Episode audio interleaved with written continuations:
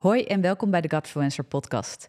In deze aflevering ga je luisteren naar het tweede deel van het gesprek met Marije van den Berg tijdens de Godfluencer en Friends aflevering. In dit tweede deel was er een Q&A met het live publiek dat aanwezig was. Echter, door de slechte geluidskwaliteit van de vragen zelf zijn deze opnieuw door mij ingesproken. Dus ik zou zeggen, ga daar lekker voor zitten en geniet van deze aflevering.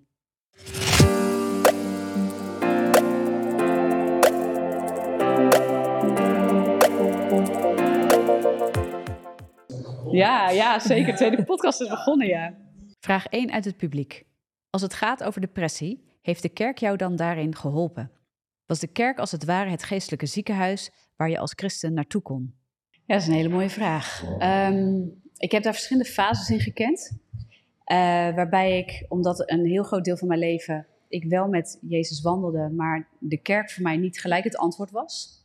En ik ben um, uh, als tiener op een gegeven moment, uh, vanaf mijn zeventiende, eigenlijk sterker die depressie gekomen. Nadat ik op mijn zeventiende ook een suïcidepoging had gedaan. Daar heeft God op ingegrepen. Dat is ook de reden dat ik leef. Ik leef echt door Hem. Maar desondanks heb ik dus daarna elf jaar lang geworsteld, nog steeds met depressie. En ik kwam op een gegeven moment in aanraking met ook een stuk gebed en bevrijdingsbediening. maar niet de vernieuwing van denken. Dus eigenlijk naar verhouding weinig woord. Weinig het woord van God op die manier. En um, er, is echt een, er, mag een balans zijn in dingen. En later ben ik in een gemeente gekomen die wat meer het woord ook had op die manier. En dat is niet om iets ergens neer te leggen, maar soms weten we dingen niet of is er onwetendheid. En we kunnen echt ook onwetend zijn, ook als christen, als we in dingen wandelen. En dat is dus ook een proces. Maar voor mij was het kennen van uh, de geestelijke wereld, dus ook weten wie mijn vijand is, is wel een wezenlijk onderdeel geweest van vrijkomen. Uit, uit de klauwen van de duisternis zou kunnen zeggen, ook in mijn denken. En tegelijkertijd ook uh, worstelen met de dingen van het leven, maar worstelen daarmee in het woord.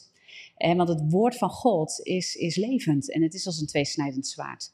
En ik heb geleerd dat, dat ik daarin leerde dat God ook over mij te zeggen heeft. En want we kunnen soms in gebed wel allemaal dingen over elkaar roepen, of we kunnen hard gaan proclameren, of we kunnen heel hard gaan schreeuwen tegen de duisternis. Ehm, maar daar werd ik op een gegeven moment zo moe van. En ik leerde dat dat helemaal niet nodig is, want ik ging eigenlijk zelf vechten, uh, terwijl God voor mij vecht. En, um, en, dat ben ik gaan leren. En de kerk heeft daar zeker mee geholpen. Maar in verschillende fases, met verschillende uh, aspecten. Want en ik geloof dat de bevrijdingsbediening een plek heeft, of gebed een plek heeft. Uh, en zo zijn er zoveel aspecten. Maar het woord wat later kwam, wat zo'n transformatie door de vernieuwing van denken heeft gehad, dat heeft echt die laatste slag gegeven. En toen ben ik vrijgekomen en, uh, en daar ook nooit meer ingevallen. Dat wil niet zeggen dat die vijand mij niet opzoekt. Um, maar door waarheid in mijn binnenste blijf ik vrij. Ik wil niet zeggen dat ik geen strijd meer heb of dat het niet komt, maar ik blijf vrij omdat ik nu geworteld ben in de waarheid. En dat is voor mij een groot goed. En daar zijn zeker, is daar de kerk ook een onderdeel van geweest. Dus uh, ja. Ja. Hey, en jij zei net, hè, ik ging worstelen in het woord. Ja. Hoe doe je dat praktisch? Want Ja. dat klinkt heel mooi. Ja. Maar ik kan me voorstellen dat mensen denken, eh, worstelen in het woord. Ja, Ja. Ik, ik, dus als, alsof dat je in een bad ligt en je ligt te worstelen in het woord zo. Hoe, hoe doe je dat? Ja, het woord openslaan en heel vaak besef ik begrijp er helemaal niks van en dat tegen God zeggen. En daarin de geest uitnodigen. Ja, want het woord zegt ook wel van eh, de, de geest openbaart ons de dingen van God. En hij, hij haalt ook de waarheid omhoog. Hè? Dus, dus als we de geest van God hebben, mogen we vertrouwen dat als we het woord niet begrijpen, dat hij ons uitleg wil gaan geven. Dus, en dat vond ik een worsteling. Ik, ik, ik kon niet altijd alles gelijk begrijpen van het woord van God. Ik kon ook niet begrijpen waarom ik als christen met een goede vader in de hemel worstelde met depressie. Dat in zichzelf was al een worsteling, uh, wat ik moeilijk vond om te begrijpen. Totdat ik steeds meer de dynamieken van ook de geestelijke wereld begon te begrijpen. Hoe het woord daar dus ook over spreekt, wat het daarover openbaart en wie God daarin is. Dus de worsteling zat in ja, van leugen naar waarheid komen. En dat steeds meer gaan ontdekken. Beseffen dat ik niet alles begrijp. Dat ook heel lastig vinden, maar wel naar God blijven gaan. En ik weet uit ervaring, als je naar God blijft gaan, hij openbaart en hij geeft zijn kinderen geen steen als om brood vragen. En hij laat zich vinden door degene die hem zoeken. In alles waar je hem in zoekt. Dus dat, en dat is tegelijkertijd dus een eerlijke worsteling. En ik denk dat we moeten stoppen, ook in de christelijke wereld. Dat heeft mij heel erg geholpen en daar spreek ik veel over, om te overschreeuwen. We moeten eerlijk zijn over de dingen waar we doorheen gaan. Om dat te beantwoorden met geloof. En wat is dan geloof? Dat is eerlijk zijn en dan de waarheid van God zoeken. En die gaan aannemen. En dat is denk ik waar de worsteling tussen zit. En dan kan je het zien als in een bad gaan worstelen met het woord van God. Ehm, maar dat is, ik, ik, weet niet of ik het antwoord geef zo op hoe concreet is dat voor mij, maar dat is, dat is worstelen voor mij in het woord van God. Ja. Yes. Vraag 2 uit het publiek. Je had het erover dat het van je hoofd naar je hart moet zakken. En er wordt vaak gezegd dat we ons hart moeten volgen. Maar hoe werkt dat dan? Want je kunt je gevoel ook niet altijd vertrouwen. Dus hoe zit dat dan met je hart? Een mooie vraag. Ga ja, zal ik maar uh, ja? in de duiken. Ja, wat je ziet is, uh, we leven in een maatschappij waarbij dus je gevoel je richt, richtingaanwijzer kan zijn. Maar de Bijbel leert ons echt dat het dat niet zo ook bedriegelijk is als het hart. Dus als, als uh, ik heb een boek geschreven over hormonen, hormoongeluk. En als dat mijn vertrekpunt zou zijn, even los voor de mannen, maar misschien herken je dat bij de vrouwen om je heen. Uh, dan is het net afhankelijk van waar je in je cyclus zit, is dan ook je gevoel, zeg maar. Dat gaat alle kanten op.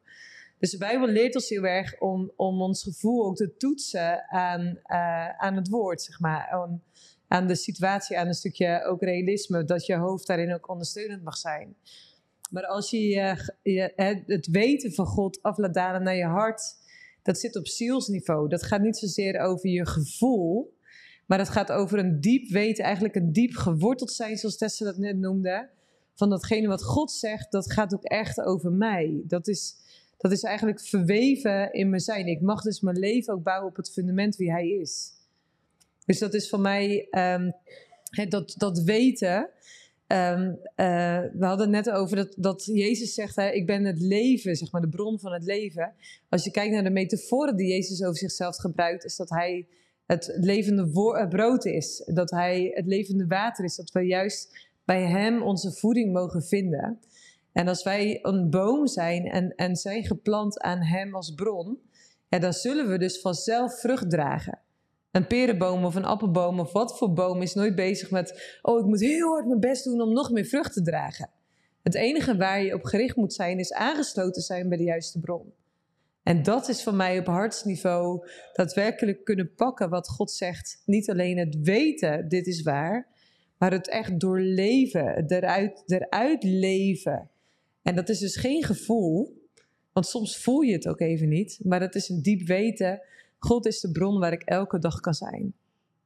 En een mooie metafoor daarvan vind ik zelf. Ik heb ooit dat, daar een beeld over ontvangen dat ik als het ware onder een waterval stond. En ik weet niet of dat je wel eens onder een waterval hebt gestaan. Dan moet je oppassen dat je broek niet afzakt. Zoveel kracht zit daarin. En dat, dat Gods genade en zijn liefde, zeg maar, eigenlijk elke dag als zo'n waterval zijn. Het is oneindig, het blijft maar stromen.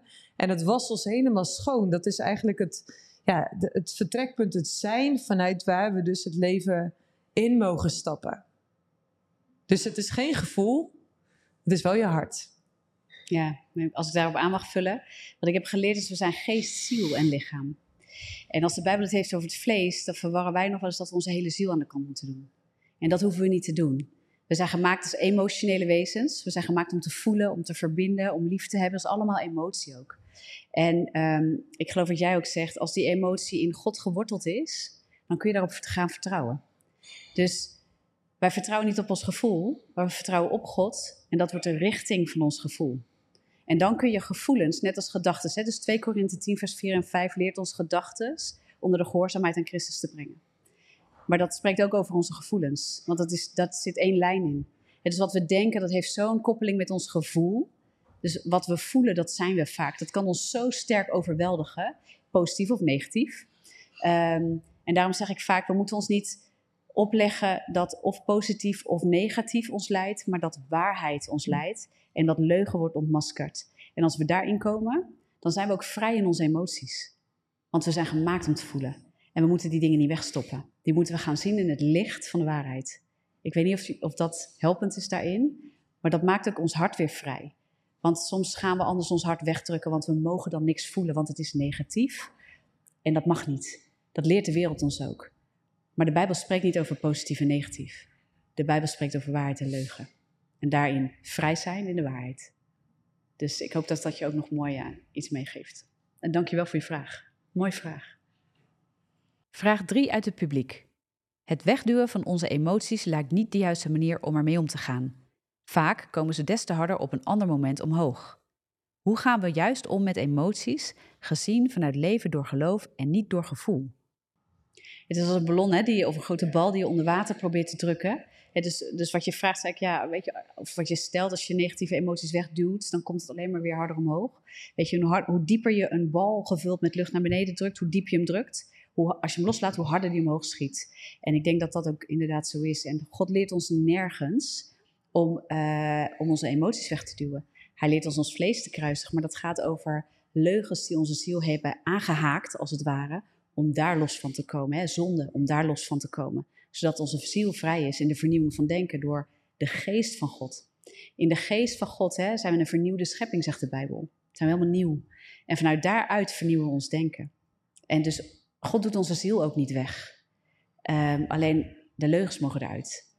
En dan mogen we juist eerlijk zijn over alles wat we voelen. De Bijbel is ook duidelijk over rouw en over boosheid. Niet om het weg te duwen, maar in ieder geval om de zonde niet uh, over onder te laten gaan. Om ermee te dealen op de juiste manier, zeg maar. En dat, uh, dat is heel mooi wat je zegt. Ja. Nou, een hele concrete daarover is bijvoorbeeld... Um, ik heb zoveel preken gehoord over angst. Ja. En er staat in de Bijbel, vrees niet, want ik ben met u. En ik spreek zoveel mensen die zeggen: Ik mag niet bang zijn, want God zegt: Vrees niet. Maar daar staat niet dat je niet bang mag zijn, want als je bangheid, angst wegduwt, dan krijg je een paniekaanval. Ja. Want hoe harder je denkt: Ik mag niet bang zijn, mag niet bang zijn, mag niet bang zijn.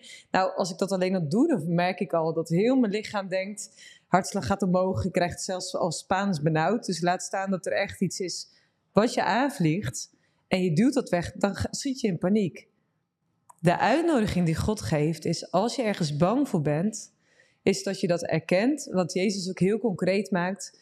Als je vermoeid bent of belast bent, dan mag je bij Hem komen. Mag je zeggen, Heer, in plaats van dat ik het zelf vasthoud en het eigenlijk het liefst zelf allemaal wil doen, wil ik dat aan U geven en aan U toevertrouwen. Heer, dit, dit, dit, dit vliegt me aan. Dit vind ik zo moeilijk of dit is zo heftig in mijn leven.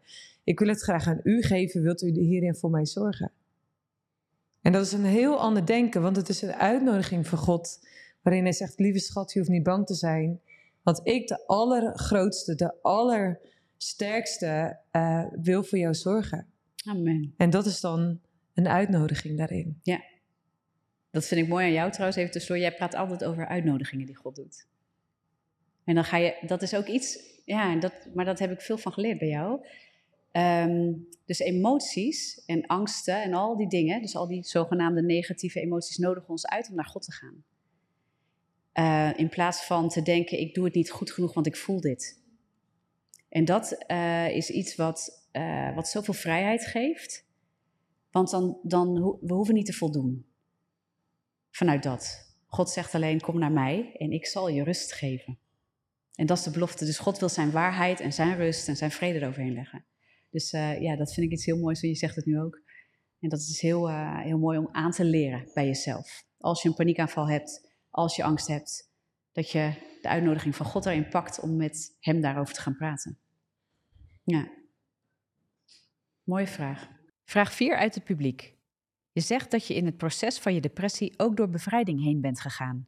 Zag je depressie ook als iets demonisch? En hoe denk je dat zoiets ontstaat? Ja, uh, dat kan, heeft verschillende aspecten. Dus depressie, als je kijkt bijvoorbeeld naar de wetenschap en naar de medische wereld, dan kunnen daar ook redenen zijn in het natuurlijke. Um, en uiteindelijk is het natuurlijk altijd wel welk perspectief hebben we erover. Hè? Dus wat is de waarheid van God? Hoe kijkt God naar dit soort dingen? Dus er zit een hele grote gelaagdheid en ik spreek daar ook over in mijn boek. Dus ik neem alle aspecten mee. Uh, omdat ik die achtergrond ook heb, maar ook omdat ik daar zelf ook met een psycholoog en ook met een arts heb gelopen. En ik heb al die trajecten doorwandeld. Maar ik zie het zeker ook als iets wat uit de demonische wereld kan komen. En misschien wel vaker als dat we willen weten en willen denken. En het is namelijk, als je goed kijkt naar wat er in Nederland gaande is. Uh, als je kijkt naar vorig jaar, onder onze tieners en onze jongeren tot 30 jaar, was, was depressie, maar dan, dan ga ik even door naar suïcide, hoofddoodsoorzaak nummer 1. En als we nu kijken naar wat God voor ons heeft, dan weten we dat het sowieso uit de duisternis komt. Amen. En waar het ook, hè, we zitten in een gebroken wereld. Hè, dus we hebben ook nog niet een, een, een, een nieuw lichaam.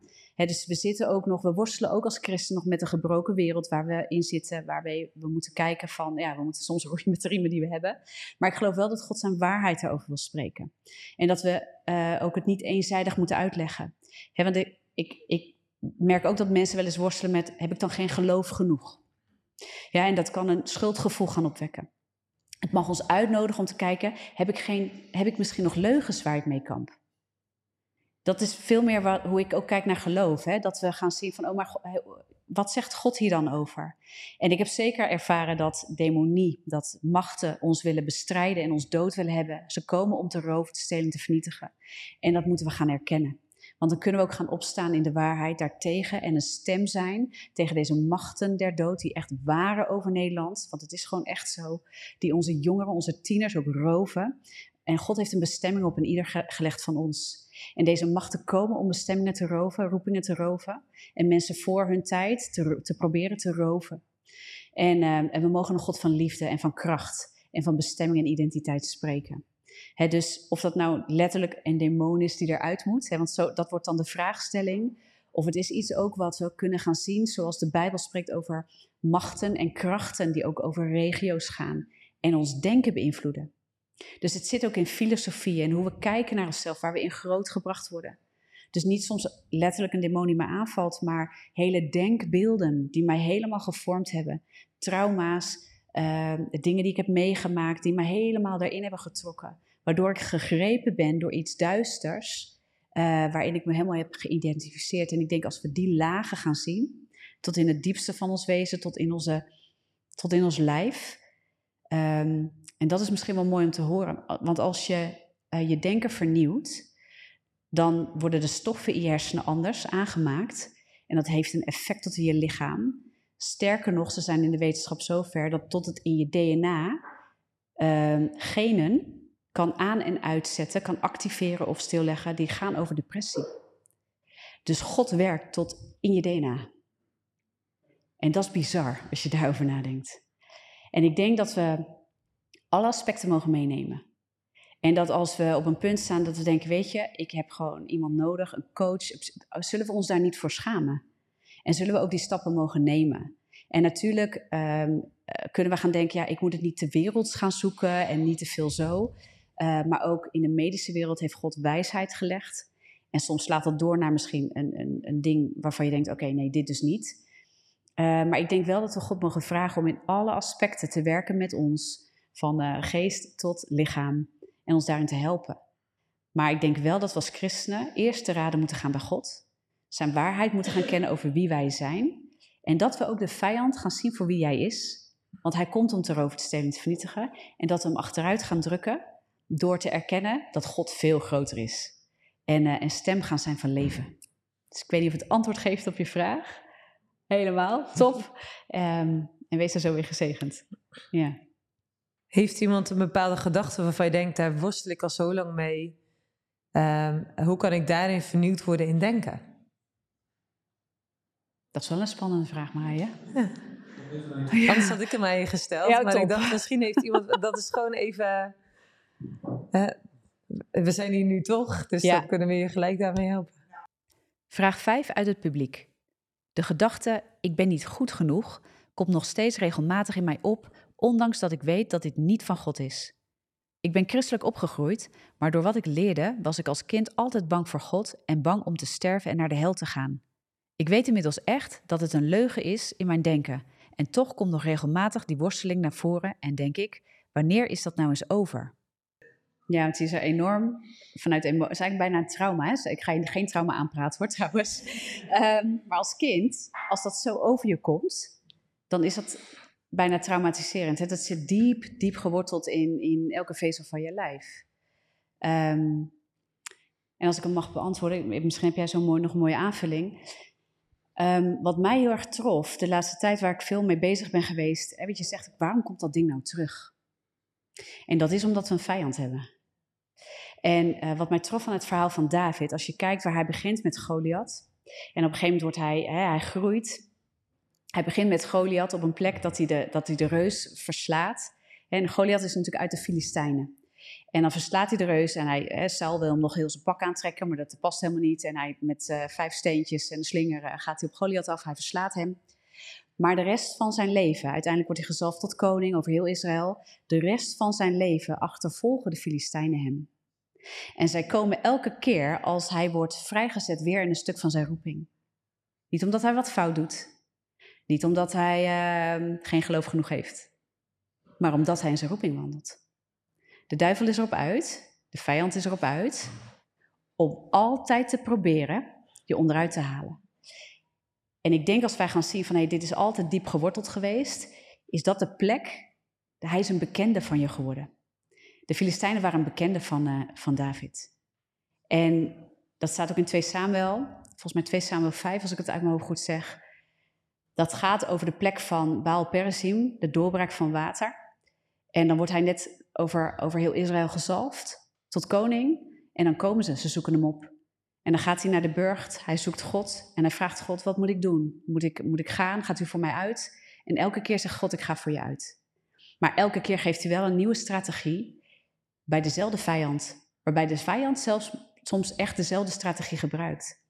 En ik zag een uitnodiging, zo mooi is dat jij dat zegt, om niet bang te zijn en te zeggen, oh het is er weer, dus ik heb er nog last van. Oh het is er weer. Heer, wat wilt u zeggen? Wat is uw waarheid in deze situatie? Wat wilt u mij laten doen? U gaat voor mij uit, zoals David. Vertel me de strategie van de hemel.